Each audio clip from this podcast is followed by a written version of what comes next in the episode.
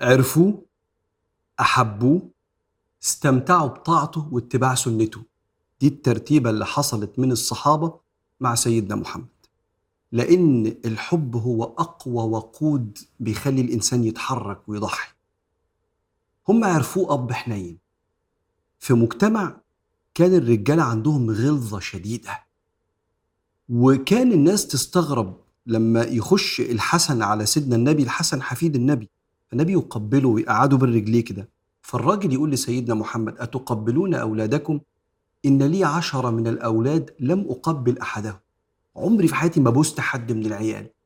ده كان المجتمع اللي جه فيه سيدنا النبي عليه الصلاة والسلام فشافوا منه مستوى من الاحتواء الذكوري الأبوي اللي ممكن تلاقيه في الطبيعي في المجتمعات من الأم الحنية والإحتواء والاستماع. لكن لا غنى عن الحنان الأبوي بسموها الميل إنرجي الطاقة الذكورية. لما بيكون الأب موجود وبيدي الطاقة الذكورية بيطلع الأولاد عندهم أخلاق سوية نفسية سوية شبعانين من الحنان الأنثوي والحنان والاحتواء الذكوري.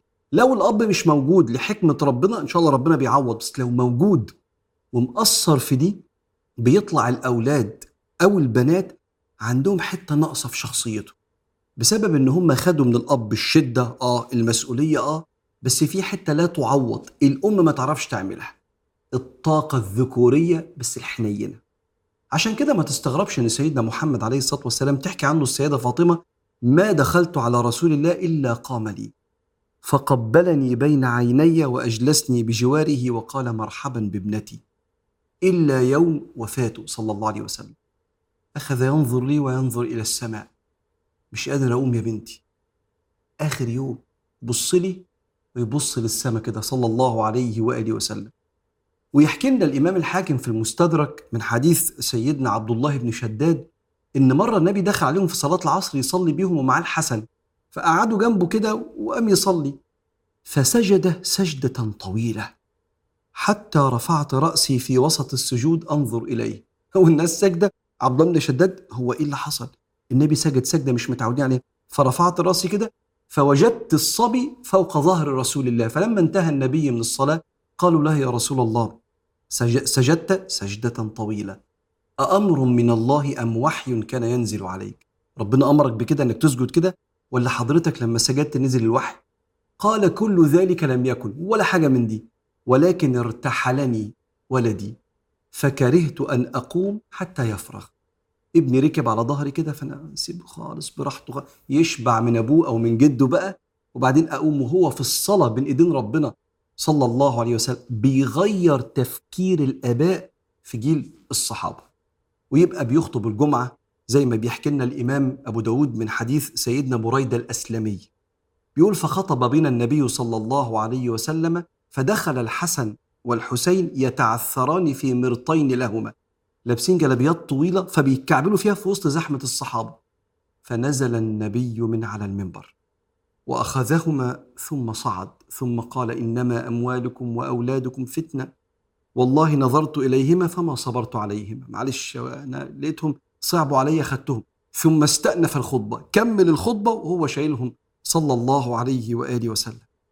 الصحابة بيبصوا إيه الحنية دي من أرجل رجال الدنيا والآخرة؟ صلى الله عليه وسلم القوة والشدة والمسؤولية والحرب والعبادة. وأب حنين ما تشافش قبل كده. وما تستغربش إنه لما يطلعوا في حرب بدر إحنا 313 والمشركين ألف. والسيدة رقية بنته تعيا فيروح يقول لا هو إيه الأب بقى؟ يروح يقول لجوز بنته سيدنا عثمان أنا ولا أنت؟ أنت يا عثمان. رقية محتاجاك أكتر. فبدل ما سيدنا النبي يطلع يقول لنا أنا خدت عثمان من بنتي العيانة عشان خاطر ربنا عشان يحارب في سبيل الله حتى لو ساب بنتي عشان ربنا لا العكس. أنا سيبت عثمان الحرب وإحنا محتاجين لكل راجل علشان بنتي يطببها وهي في المرض الشديد عشان ربنا. وبنته تسمع كده وتطمن على احتواء وحنية أبوها وكل الصحابة يشوفوا ده. ويشوفوه هو راجع لعثمان وكانت رقية خلاص ماتت واتدفنت وهو بيديه من الغنائم ويشكروا على اعتنائه ببنته لغاية ما أسلمها لربنا سبحانه وتعالى. هو يحكي لنا أحد الصحابة يقول دخل النبي صلى الله عليه وسلم على الصلاة وهو حامل أمامة بنت زينب بنت رسول الله. أمامة حفيدة النبي يا جدو لو سمحت خليك قاعد معانا. يا بنتي الإقامة أقامت خدني معاك يا جدو أنا بتخيل الحوار. فدخل النبي شالها. فإذا قام حملها وإذا سجد وضعها. الله أكبر ماسكة في جده. خلاص يا ستي قاعدة هنا كده. بسم الله الرحمن الرحيم وهي هنا.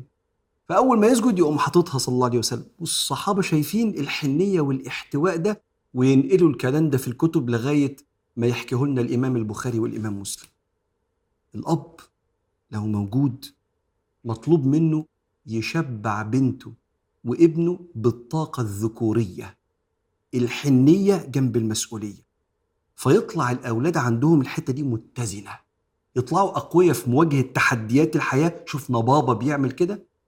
وحنينين ورحماء ما يفقدوش الرحمة وهم بيواجهوا الحياة بقوة.